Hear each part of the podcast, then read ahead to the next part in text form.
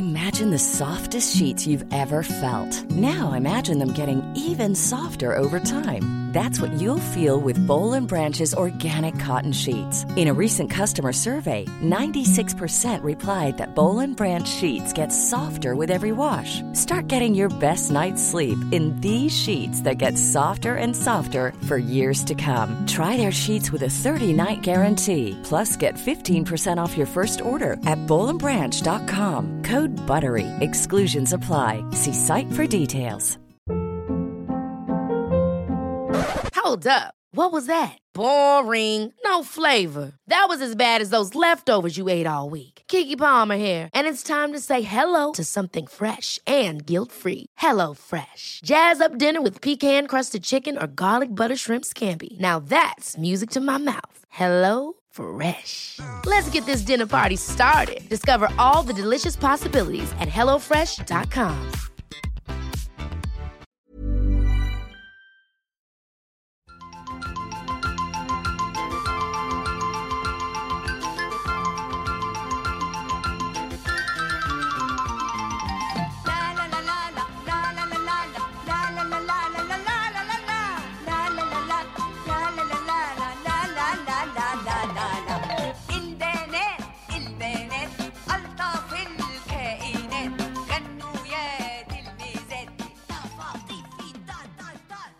في الفترة اللي كان جسمي عم يتغير فيها كنت شايفته بس منكرته في ليلة من ضمن هذه الفترة المحيرة كان في ناس عنا وأجت ست قدام الكل مدت إيدها ومسكت صدري.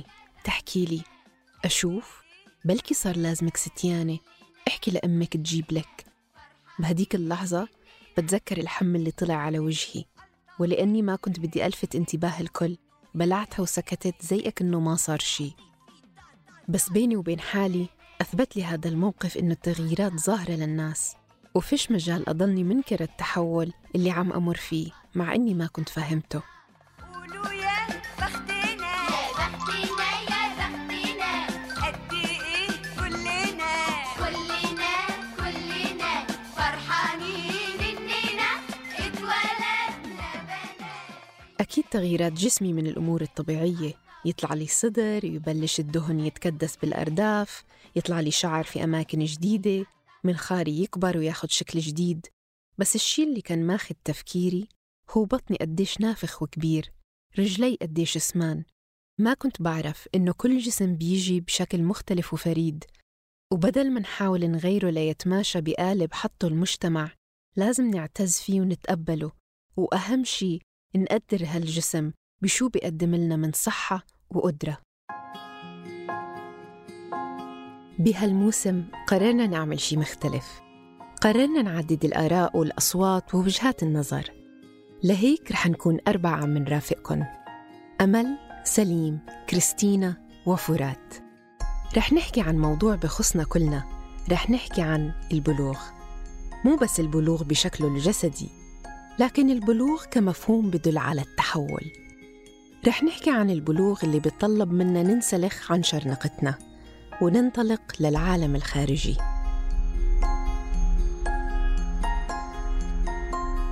اليوم رح أكون معكم أنا أمل.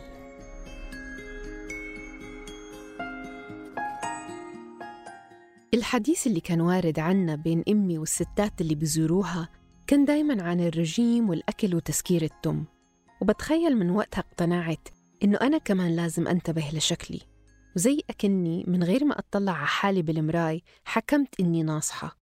وإذا كنت جوعانة بغير وقت الوجبات الرئيسية كان لازم أتخبى لآكل. صار في عندي خربطة بشو لازم أهتم بهذه الفترة اللي معقدة نسبياً لكل إنسان. ولمرة قررت إني رح أعمل رجيم فكتبت رجيم لنفسي. كان عبارة عن موزة وتفاحة. بفطر وبتغدى وبتعشى موزة أو تفاحة. كتبت البرنامج وعلقته على الخزانة. طبعا بلحظة الأحداث أنا كنت شايفة حالي مثل ما بيحكوا بطبفة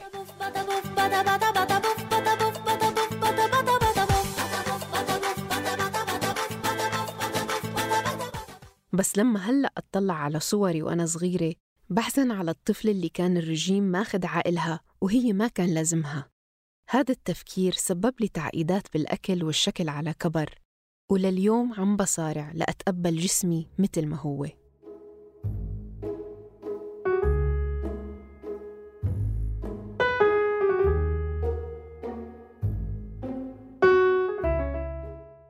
في هذه الحلقة من عيب رح نسمع من دانا وسهى عن رحلتهم مع الوزن الزائد وكيف أثرت على حياتهم الشخصية والعملية ولوين وصلوا باستخدام الوسائل لإنقاص الوزن. تم تغيير أسماء وأصوات بعض الشخصيات للحفاظ على خصوصيتهم.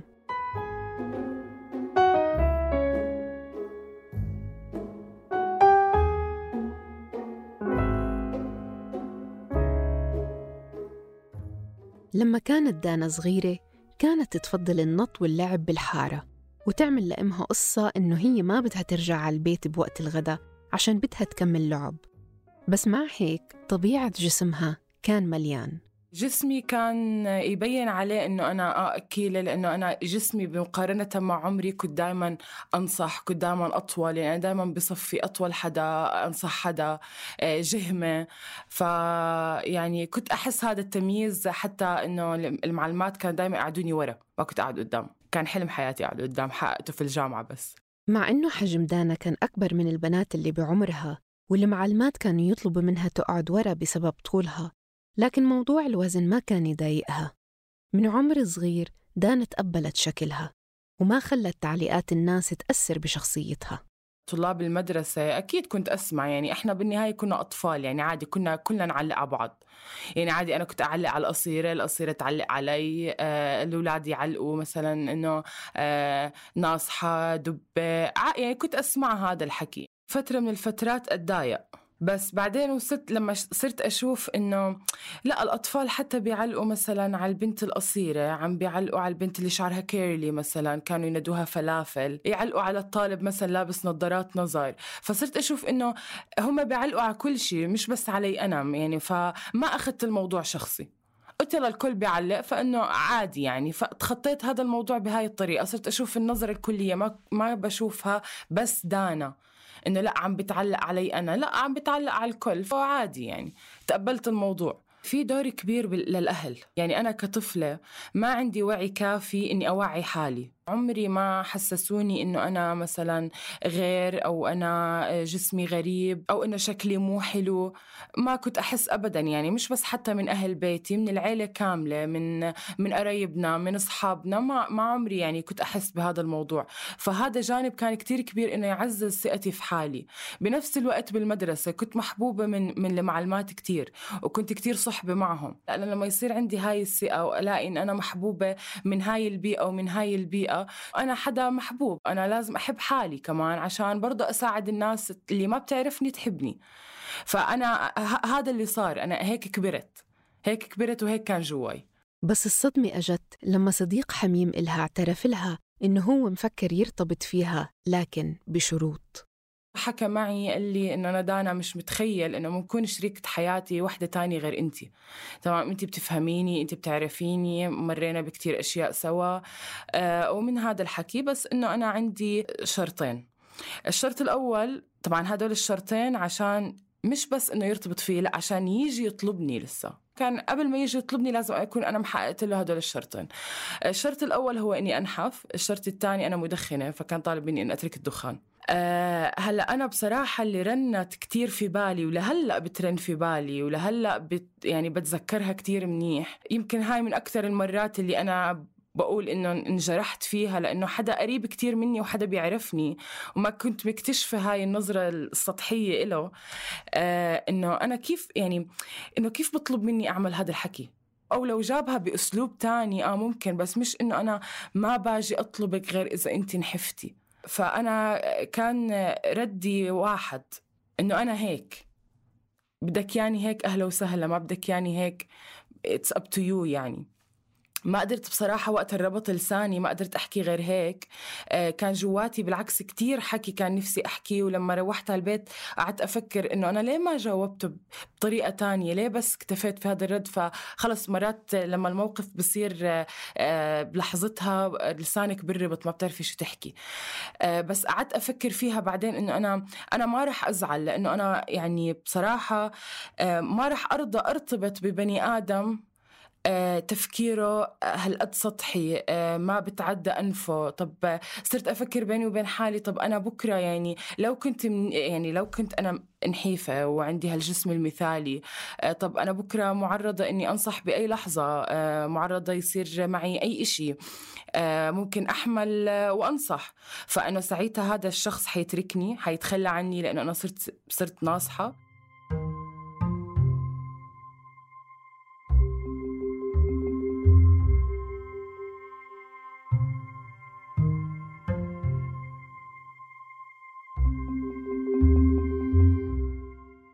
وبالضبط هذا اللي صار مع سهى مع أنه لما كانت سهى صغيرة كانوا الناس يعلقوا عليها قديش نحيفة. كانت تحب تلعب ألعاب فيها حركة كتيرة مثل الركض والمسابقات وكرة قدم وتركب على البسكليت. كانت تفضل الأجبان والألبان عن اللحمة ومن أكلاتها المفضلة الرز بحليب والقشطة مع عسل. لما بلشت أدخل بفترة المراهقة حسيت إنه جسمي بدأ يتغير. ما انصحت بالعكس صار أحلى يعني. بس إنه بطلت هديك اللي إنه مسفوقة سفق زي ما بيحكوا إنه منحو- نحيفة وما فيش فيش كسم ما فيش خصة بعدين بدأ يتكون وصار في عندي شيب لجسمي وإنه هاي القصص. وضلينا على ما هو. بتعرفي إنه السوسة بتضل عند البنت إنه بتضلها تفكر بكسمها لما تشوف إنه الكسم. يعني فتره المراهقه لما أول إشي تمليت. بعدين صرت أدير بالي إنه أنتبه إنه جسمي بدأ يتغير. فصرت أدير. فكان الكل يحكي إنه كسمك حلو كذا. ما كان عندي مشكلة يعني بهاي المواضيع ابدا. ولما وصلت سهى فترة الجامعة كانت تنتبه لوزنها لأنه المدح اللي كانت تسمعه على شكلها كان يعجبها ومن غير ما تحس ضله ماخذ تفكيرها. وزني كان ما بين 62 لما كان يطلع لل يطلع 5 كيلو تقريبا لل 67 وأنا طولي 167 168 هيك شيء ما كنتش أحس إنه في فرق إنه بين الوزن والطول يعني. كنت لما أوصل 67 أو 68 دغري أعمل كنترول أقصى حد يعني اللي حسيت حالي إنه كتير زدت إنه ممكن وصلت 75 بالجامعة وطبعا نزلتهم. آه كنت أحاول ألجأ للإشي السريع يعني إنه حرمان من الأكل أوقف شغلات معينة يعني مرة بوقف النشويات. آه، مرات بعمل دايت معين اللي هو العشرة أيام اللي هو بت... بتكوني ماشية على إشي معين. كانت من ضمن الملاحظات إنه واو شو كسمها حلو يعني إنه هاي أول كلمات كنت أسمعها. فهذا إشي عجبني طبعا أكيد يعني إنه أنا بحب أسمع أسمع مدح فيش حدا بس بحب يسمع يسمع إنه أي شيء ما ذم بس يمكن صراحة آه كنت دائما مش راضية إنه بدي بدي أنحف أكتر. يعني لما صارت إنه السوسة تبعت الكسم تشوفي هذا وتشوفي هذا حواليكي كنت أحس إنه يعني شو ما كنت نحيفة شو ما حكوا الناس إنه أنا كسمي حلو كنت ألاقي إنه لا لسه بدي أنحف. آه حاولت كتير أحرم حالي إني أنزل تحت 62 مع إنه كنت أبين 62 بتفكريني 52 ونحيفة كتير وعظمي مبين ومع هيك ما نزل وزني وكنت بدي أنزل أكتر وما زبط معي. بجوز أنا كنت أطلع على الوزن أكثر من الكسم. يعني الناس لما تشوف الكسم بفكروني نحيفة كتير ووزني أقل. وأنا كنت مثلا أنغاز إنه مبينة إنه أنا نحيفة بس على الميزان لا وزني مش زي ما بدي. فهذا كان إشي عقدني هي العقدة اللي حوالينا.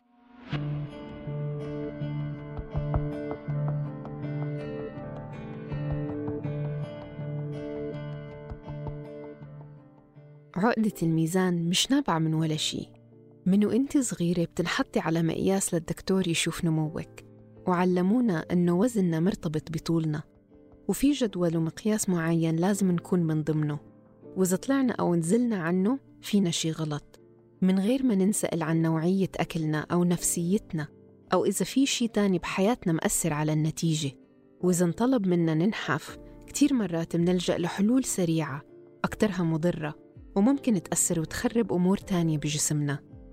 بالنسبة لحياة دانا بالجامعة كانت مركزة على إنه تلاقي فرصة تدريب بإذاعة أو تلفزيون مثل زملائها.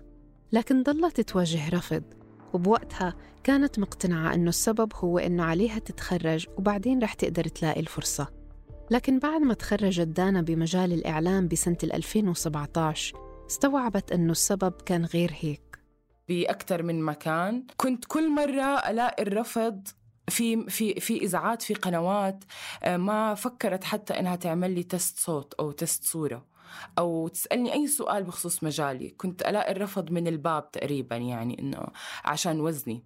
أولها آه، كثير كنت أتضايق. إنه طب أنا رح أضل هيك؟ يعني معقول هو هو هذا السبب؟ طب بلكي دانا أنت جد ما بتنفعي تكوني ورا كاميرا أو ورا مايك. آه صرت أقول طيب آه لا أنا ليه بدي أحكم على حالي من هلأ؟ وأنا ما صحت لي الفرصة إني أعرف إذا أنا بزبط أو ما بزبط. آه قلت رح أرجع أحاول عادي زي زي أي حدا مش حيلاقي فرصة شغل أو فرصة تدريب من أولها. بدك تتعبي شوي بدك تسعي شوي. ف آه ضليت. قدمت حاولت. آه كنت حتى مرات ما يطلبوا إني أروح بس أنا كنت أروح.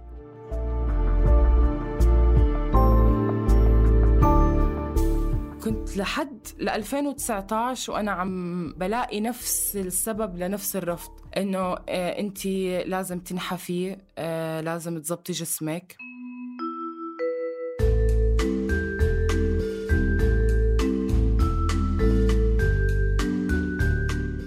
اللي صار مع دانا بينطبق على كتير ناس.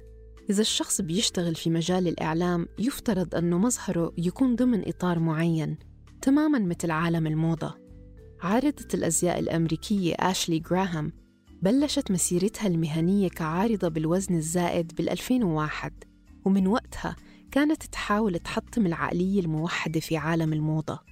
ومع أنه آشلي بلشت تعرض لملابس مخصصة لأجسام كبيرة إلا أنه وجودها ووجود عارضات بأحجام مختلفة مثلها أثر على ماركات الأزياء الكبيرة ومن وقتها صاروا مصممين وماركات عالمية مثل فندي وفيكتوريا سيكريت يجيبوا عارضات بأحجام وأشكال مختلفة ليضموا فئة من الأشخاص اللي كانوا متجاهلينها. بال 2019 حملت آشلي جراهام بطفلها الأول ووقتها حطت على موقعها على الإنستغرام أنها نصحت قريب ال 23 كيلو. وأنها مش فارقة معها. وشكرت جسدها اللي خلاها تقدر تمارس اليوغا وحياتها العادية. بعد ما ولدت ابنها بشهر تقريباً صورت بطنها والعلامات اللي ظهرت عليه من الحمل وكتبت أنها لساتها نفس الشخص بس بقصص جديدة. اللي عملته آشلي جراهام مش الكل بيقدر يعمله. كتار منا بيقدروش. أنا مثلاً لسه بعاني من مشاكل بتقبل شكلي وجسمي من بعد حملي الأول. وهلأ بحملي الثاني كتير عم بكون قاسي على حالي لأني عم بقارن بين حملين صاروا بجسم واحد. سهى واجهت تغيير كبير بجسمها لما حملت وأثر عليها بأكثر من طريقة. بالحمل زاد وزني. طبعا ما كنتش هكلانة هم لأنه لسه كانت عندي هاي الحمية إنه أنا رح أعمل رياضة وأنا رح أنزل وزني. طبعا بعد ما ولدت كنت لساتني نشيطة وإنه بدي أنزل. وفعليا نزلت آه، من وزني تقريبا وصلت لوزن منيح بالحمل. تخيلي إنه وصلت ضعف وزني إنه من 62 أو 67 وصلت ل 118 بالحمل. بعدين بس ولدت نزلت ل 111 ضليتني أحاول أنزل نزلت ل 106 فكان دائما وزني عالي بين ال 101 و 106 ما كنت أزيد زيادة ثابت على هذا الوزن. كان لازم أعمل دايت اللي أنزل منيح. ولسه مقبول لسه بقدر أحرك وأروح بس إنه الحركة تقيلة. ضليتني. أه لحد ما صار ابني كبر وصار إنه بقول بدي أخ بدي أخت فقررت إنه أعمل آه، بيبي فرحت آه، أخذت هرمونات عند الدكتور طبعا وهيك وعملت. فما بعرف إنه إذا هل هي سبب ولا إنه أنا بس أنا بعرف إنه وزني شطح وزاد إنه ل لوزن عالي كتير. حملت وما استمر الحمل. نزل. آه بس اللي, اللي ضلوا معي مش البيبي ضلوا معي الوزن. الوزن زدت حوالي 30 كيلو وصلت ل 138 بعدين نزلت ل 128 ونزلت حاولت دايت بس زهقت زهقت. بعدين صرت أفكر في حلول تانية. التأقلم مع ال 60 كيلو اللي زادتهم سهى خلال هاي السنين كان كتير صعب. لقت حالها مضطرة تتأقلم وتتعايش مع جسدها اللي بلش ياخد شكل جديد.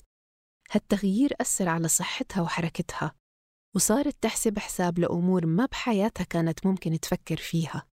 هلأ لما صرت ناصحة صرت أحسب حساب خطواتي صرت أطلع وين أمشي صرت كيف بدي أقعد أطلع على الكرسي اللي بدي أقعد بوساني ولا ما بوساني؟ بطلع على الكرسي بحملني ولا ما بحملني؟ يعني صرت أخاف أطلع على السلم لخايفة لا أوقع. ما في إنه خفة حركة. أنا كنحيفة كنت لما أطلع على السلم لا سمح الله إجيت أوقع آه، بجوز أتدارك الوقعة تيجي أخف علي لأنه أنا في خفة عندي ممكن أنط ممكن كذا. بينما لما أكون ناصحة بدي أنزل دغري طج لتحت يعني أبصر شو رح يصير فيي فكنت أتجنب هاي الشغلات ما كنت أقبل أطلع على إشي عالي لأنه يعني أكثر شغلة كنت أخاف منها أحس إنه رح ينكسر.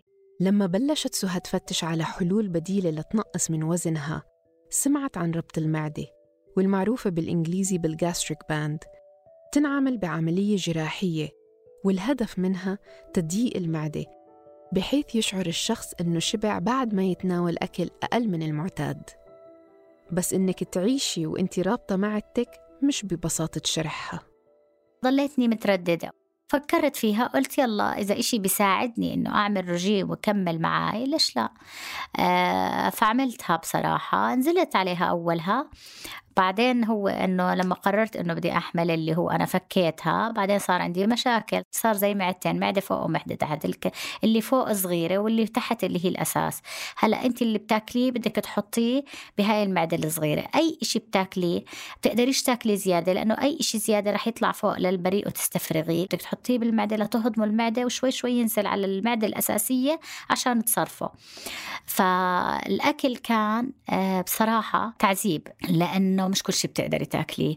آه، الألياف مثلا أنت ما بتقدري تاكلي ألياف لأنها بتقعد كتير بالمعدة والمعدة فوق صغيرة بتصفي أنت متضايقة بتقدريش تشربي وراها مي. آه، إذا أكلتي بدك تضلك لو أنت شو ما كنتي عطشانة ما لازم تشربي مي لأنك رح تستفرغي. فواكه ما بتقدري تاكليها بدك تهرسيها تعمليها زي كوكتيل عشان تشربيها. أنت بتقدري تغشي فيها. إذا كل إشي هرستيه يعني لو شربتي ما رح تتضايقي ورح تشربي كاسه وكاستين لأنه كله بسهولة رح ينزل من الخزق الصغير لتحت للمعدة الأساسية. إذا أكلتي شوكولاتة برضه نفس الشيء رح تسلت لأنها تصير سائلة وبتنزل لتحت أولها نزلت يمكن من 138 نزلت منيح ل 117 ن- هو اللي نزلني هدول اللي هو بطلت أطلعهم. نزلتهم لأنه كنتش قادرة أكل لأنه كل إشي كنت آكله استفرغه تاكلي لقمة لقمتين بصير بدك تستفرغي. والإشي المحرج جدا إنه أنت مرات ما بتمسكي حالك بتكوني بين الناس بتستفرغي. كانت تتفاقم المشاكل وقت النوم. ارتجاع بالمعدة استفراغ وفقدان القدرة على التنفس. بهاي الأثناء كان زوجها لسهى وأهلها شاهدين على اللي عم بيصير معاها فبطبيعة الحال خافوا عليها كتير وحاولوا يقنعوها تشيل الحلقة اللي رابطة المعدة. فقمتها بعدها وارتحت منها. طبعا حاولت بعدها كتير إنه أعمل رجيم بس حكي فاضي ما زبط معي. يعني أعمل فترة بسيطة وأرجع بعد شوية إنه أكسره. وضليتني على هذا الحال لحد ما بديت أحس بالآخر إنه خلاص صرت أحس إنه يعني في أذى بالموضوع.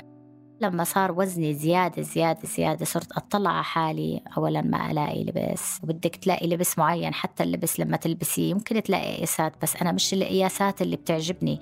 يعني أنا حتى لما كنت نحيفة بحب العريض حتى صفى اللبس العريض ضيق يعني. صرت أحس إنه في أوجاع صارت تصيبني رجلي وجعوني ركبي وجعوني آه فصار في أشياء كتير تضايق. أحس إنه أنا بدي أشتري صحتي أطلع على ابني يعني مثلا إنه طب هذا ابني لازم أدير بالي على حالي عشان أقدر أدير بالي عليه.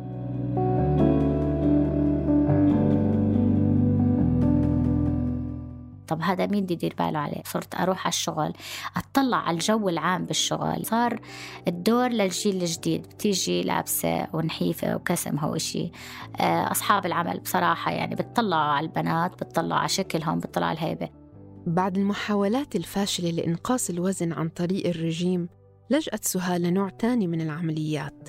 نفس الحل اللي لجأت له دانا بعد ما انرفضت عدة مرات من أماكن مختلفة. في إحدى المرات قدمت دانا لإذاعة. انحكى لها وقتها أنت من صوتك مبين إنك ناصحة. بعد هالموقف ورغم بشاعته قدمت لقناة تلفزيون بدها تفتح جديد ونفس الشي. أجاها الرفض بسبب وزنها. هون قررت دانا بحسب وصفها إنه تستسلم.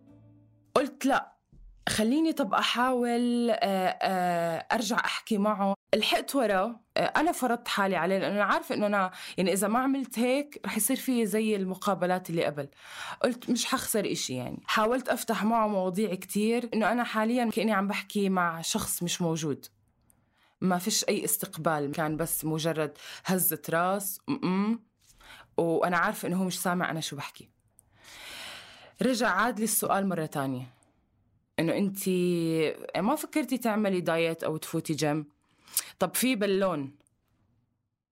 هلأ صار في آه، ينحط بالون هلأ صار في كبسولات هلأ صار في شيء اسمه آه، ربط معدة. آه، قلت له لأ ما ما عمري فكرت أعمل في حالي هيك شيء فسكرنا سكتنا شوي.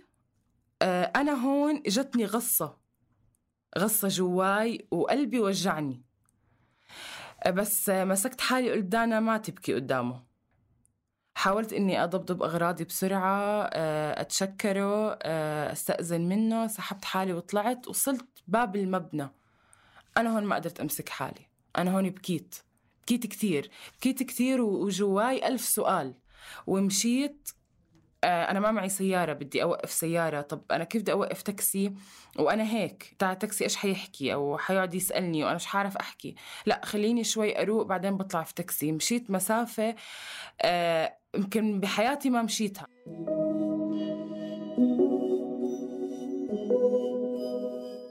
مشيت وأنا عم ببكي آه، ومش عم بقدر أوقف بكاء مشيت وأنا في ألف سؤال في بالي. مشيت وأنا صرت أشكك في حالي.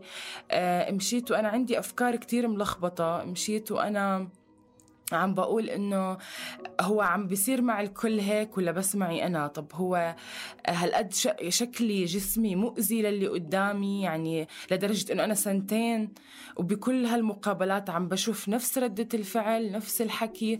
طب صار يخطر على بالي آه، إعلاميين كتير أسماء كتير كبيرة أقول يا ربي طب هاي أوبرا وينفري يعني إنه تعبت لوصلت للي هي فيه. طب يا ربي أنا ممكن أوصل لهاي المرحلة إنه أنا رح أتعب أولها ورح أمر بهاي خيبات الأمل كلها. وبعدين جد تجيني ال chance الحقيقية اللي أقدر أثبت فيها حالي. أه صرت أقول طب أنا يعني ما حتصح لي هاي الفرصة بحياتي. طب خلص أنا أوقف لهون أدور لي على كارير تاني. أه ضلت هاي الأسئلة في مخي. أه لو وصلت إنه ما بعرف هو دانا إنه أنت حاولتي تثبتي حالك حاولتي تخلي الناس تقبلك زي ما أنت بس ما زبط فهل هو هذا هو الوقت اللي أنت تغيري حالك إنه ترضخي لهذا الحكي وأنت تغيري حالك طيب آه، أنا لو بدي أقعد أعمل دايت ورياضة قد إيه رح ياخد معي؟ حياخد معي كتير وقت، أنا داخلة بال 28 سنة وأنا لهلأ ما عندي خبرة في مجالي، أنا لهلأ ما قدمت إشي لحالي، ما عملت إشي لمستقبلي. فإنه لسه بدي أستنى كمان آه، سنتين ثلاثة أنحف، لا ما رح أستنى. هون آه كنت سامعة أنا عن موضوع قص المعدة. أول ما روحت على البيت آه قعدت لحالي بالغرفة آه قرأت كتير عن موضوع قص المعدة. آه قررت إني أعملها. فأنا حكيت مع بابا قلت له بابا أنا قررت أعمل قص معدة. قعدت أشرح له عن الموضوع. آه قال لي إنه أبدا يعني هو رفض الفكرة تماما. قال لي ليه إنه اعملي دايت اعملي رياضة حاولي جربي هذا الحكي. إنه أنا يعني كان ردي إنه أنا بابا يعني لمتى بدي أضل أستنى. تعليقات الناس مو هينة. وأسهل شي أنك تحكي لشخص طنش. بس أنه الشخص فعلا يطنش مو سهل بالمرة. حتى لو كان عنده ثقة كبيرة بنفسه مثل دانا. هذا الموقف دفعها لتستسلم لقيود المجتمع لتقدر تلاقي فرصة عمل في مجال الإعلام. بناء على الدكاترة اللي شافتهم دانا تكلفة عملية قص المعدة بتتراوح ما بين ال 2000 وال 3000 دينار أردني. وحسب المصادر اللي وجدناها لقينا التكلفة ما بين 2800 و 3200 دينار أردني. وتبين لنا أنه الإناث بيلجأوا لعملية جراحية لمعالجة السمنة أربع أضعاف الذكور. وهذا بناء على كلام رئيس جمعية جراحة السمنة الأردنية الدكتور سامي سالم اللي ذكر بصورة تقريبية أنه تلتين المرضى بيكونوا إناث. هالشي ظاهر كمان بدراسة انتشرت بال 2015 واللي كانت نسبة المشاركات الإناث فيها قريب ال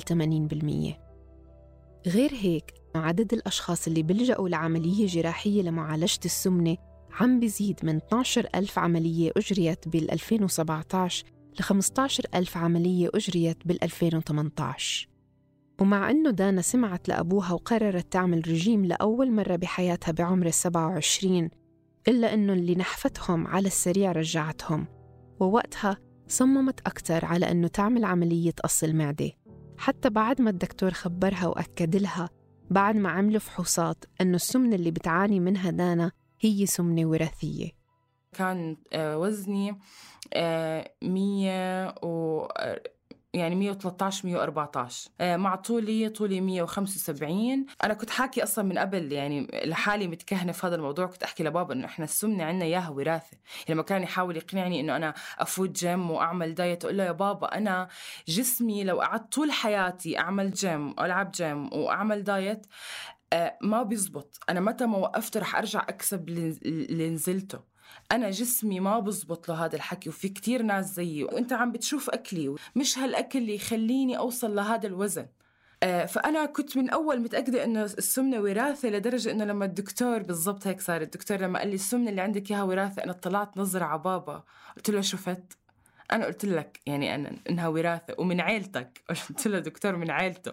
أنا هو هو اللي مورثني هذا الحكي. ب يعني عن طريق المزح لمته والمزح قلب جد لما أجا يوم العملية ومع إنه دانا كانت مقتنعة تماماً إنه تمشي بالعملية بس لآخر لحظة ضلت خايفة وفي بالها إنه رح تفوت وما تطلع منها.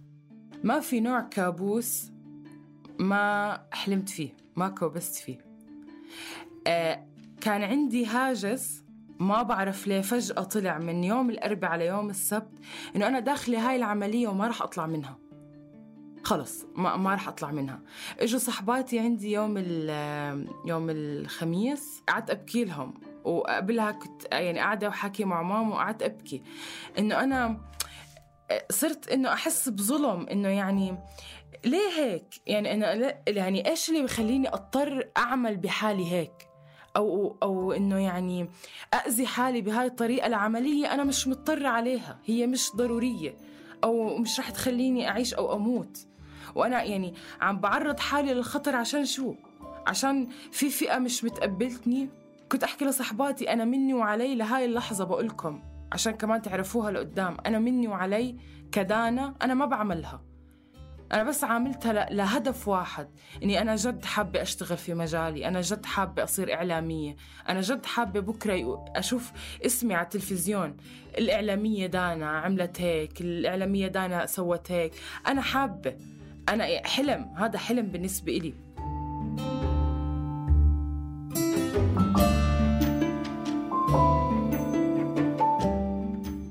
ما أنا الخوف جواي كان كتير كبير إنه كل ما عم بقرب وقت العملية إنه أنا الخوف هذا عم بيزيد آه ما نمت طبعا. أنا ل- تاني يوم الصبح ما صدقت متى يطلع كان أطول فترة. يعني أنا حسيتها يعني مش مش يوم لا أنا حسيتها سنة. لأني أنا ما نمت أنا عم بستنى بس متى تصير الساعة 7 عشان أنا رح أطلع من باب البيت عشان أنا عمليتي 8 ونص. آه وإنه أنا لازم قبل ما أفوت العملية أكون نفسيتي منيحة عشان أهلي كمان. يشوفوني إن أنا داخلة بنفسية منيحة. آه عملت الإجراءات الدخول طلعوني على غرفتي آه جابوا لي أواعي العمليات لبستهم بالضبط لبستهم ونمت في التخت وغطيت وجهي. وماما تحكي معي وأنا مغطية وجهي عشان أنا ما بدي أبكي. خلص ما يعني, في جواي صار غصة وما بدي أبكي وما بدي أشوف ماما ان أنا عيوني آه، دمعوا ما بدي. فغطيت راسي وصرت أبكي ماما مسكت إيدي وقالت لي دانا إذا انت ما بدك تعمليها مش مضطرة تعمليها يلا نروح. هيك بالضبط قالت لي قالت لي قومي غيري أوعيك يلا نروح. قلت لها لا ماما بدي أعملها.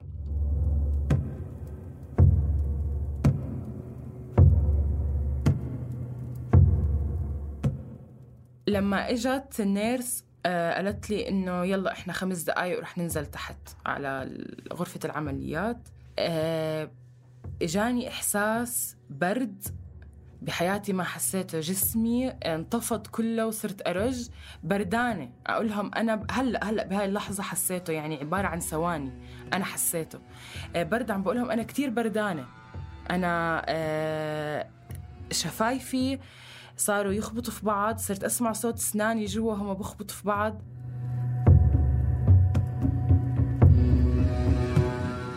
لما إجوا بدهم يسحبوا التخت خلص يطلعوني من من غرفتي لغرفة العمليات.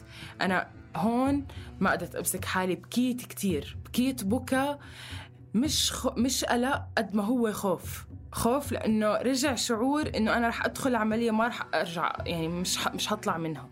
والحمد لله دانا طلعت من العملية. وبعد ما صحصحت أجا الدكتور وطمنها إنها كانت ناجحة.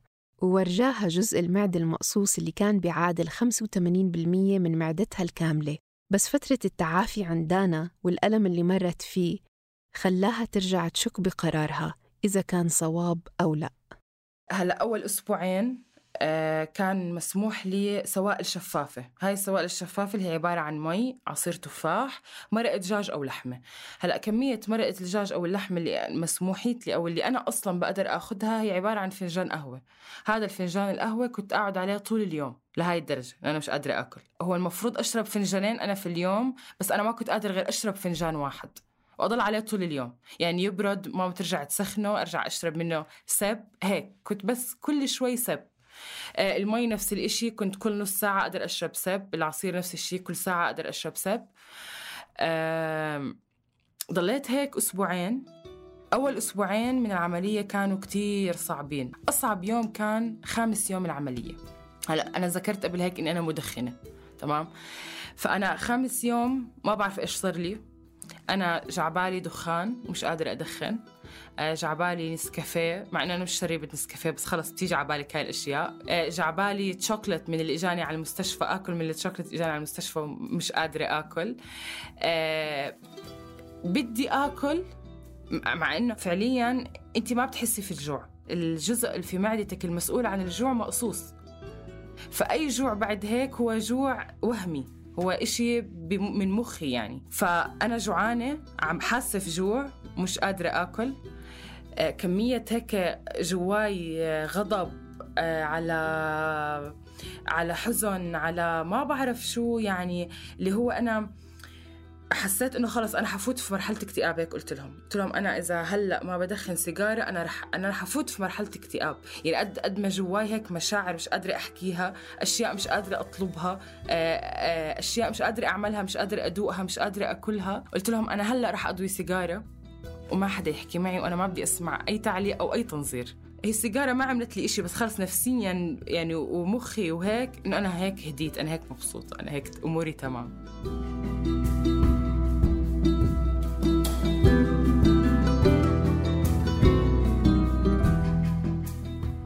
قلت لهم أنا هي خربانة خربانة صرت داوية السيجارة. قلت لهم بدي آكل من الشوكلت لا ودانا بلاش يصير فيك إشي وماما كتير كانت مرعوبة. أنا لهم لا. وقلت لكم ما بدي أسمع تنظير ما بدي أسمع أي تعليق. فتحت الشوكلت لسه ما لحقت يعني يعني عضة كتير بسيطة لأني أنا كمان بيني وبين حالي كنت كتير خايفة. بس خلص اللي بده يجاكر حاله. ففتحت الشوكلت أكلت منها شوي.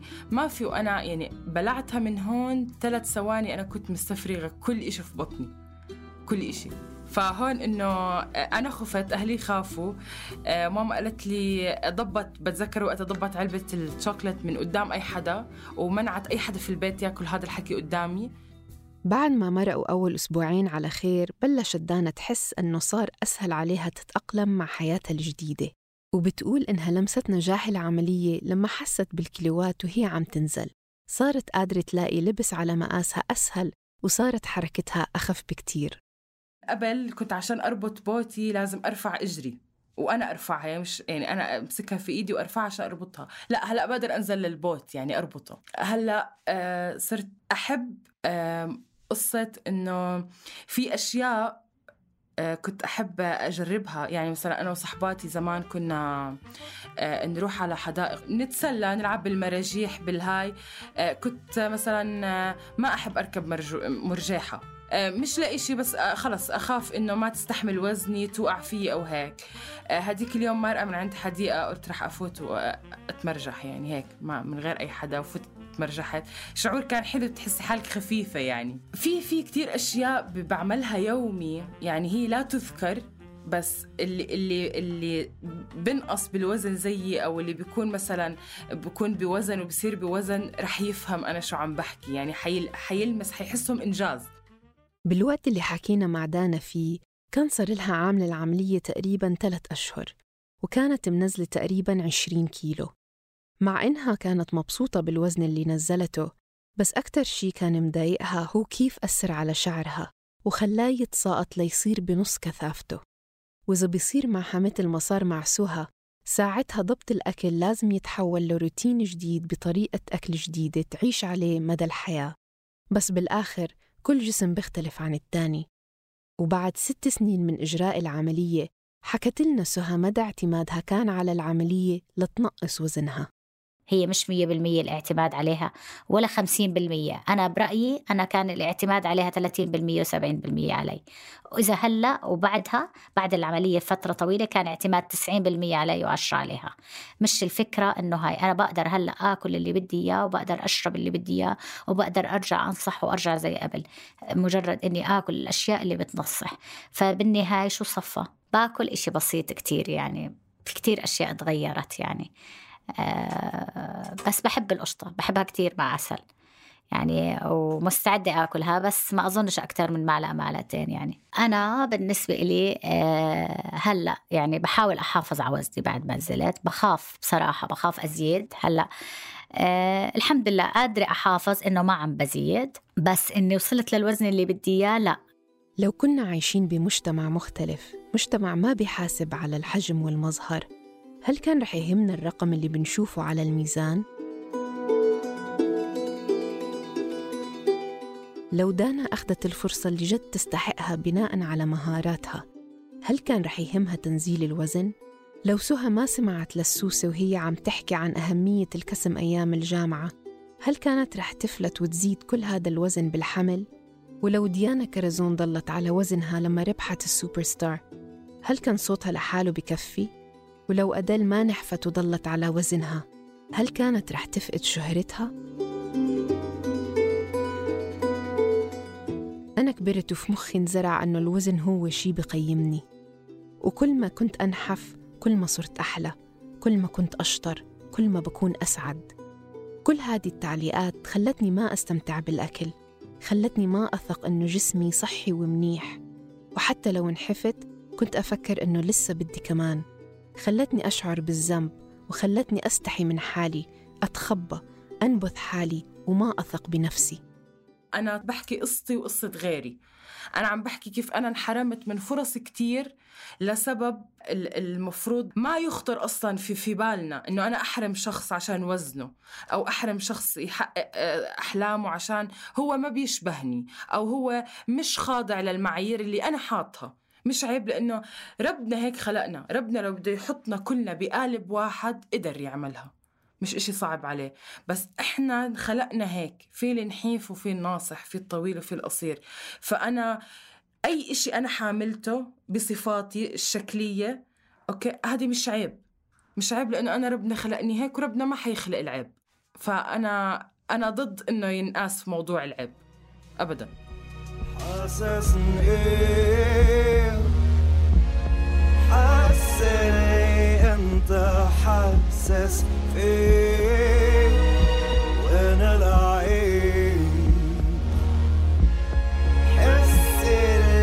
أنت فيه للأسف وصمة الوزن موجودة مش بس بمجتمعنا موجودة بمجتمعات كتيرة. واللي مروا فيه دانا وسهى بمروا فيه ذكور وإناث بمختلف الأعمار ممكن الضغط على الإناث أكثر لأنه جسم الأنثى بمر بتغييرات أكثر من الذكر خصوصاً بالحمل وإذا عندها مشاكل بالغدة الدرقية أو الدورة الشهرية غير أنه الأنثى خاضعة لمعايير ومقاييس مختلفة تماماً عن الذكر لكن بنهاية الموضوع لمتى بدنا نضل هيك؟ لمتى بدنا نضل راضخين لتعليقات الناس ورحمة أصحاب القرارات؟ والمجتمع اللي بيضل يحكم علي إني نصحانة أو نحفانة للأسف مش رح يروح. والشطارة إني أتعلم كيف أرد على تعليقاته المش مرغوبة بأنه هذا جسمي هيك شكلي. أنا مبسوطة ومرتاحة فيه فحلوا عني وتقبلوني مثل ما أنا لأنه قيمتي مش بوزني.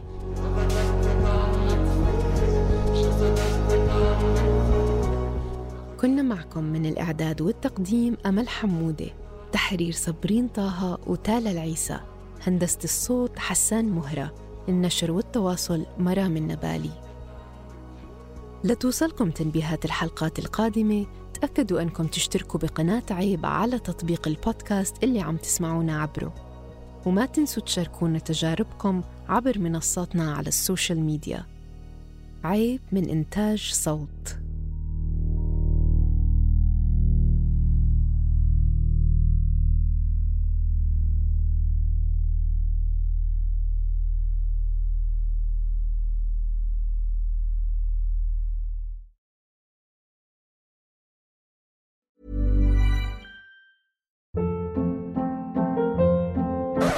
Hold up. What was that? Boring. No flavor. That was as bad as those leftovers you ate all week. Kiki Palmer here, and it's time to say hello to something fresh and guilt-free. Hello Fresh. Jazz up dinner with pecan-crusted chicken or garlic butter shrimp scampi. Now that's music to my mouth. Hello Fresh. Let's get this dinner party started. Discover all the delicious possibilities at hellofresh.com.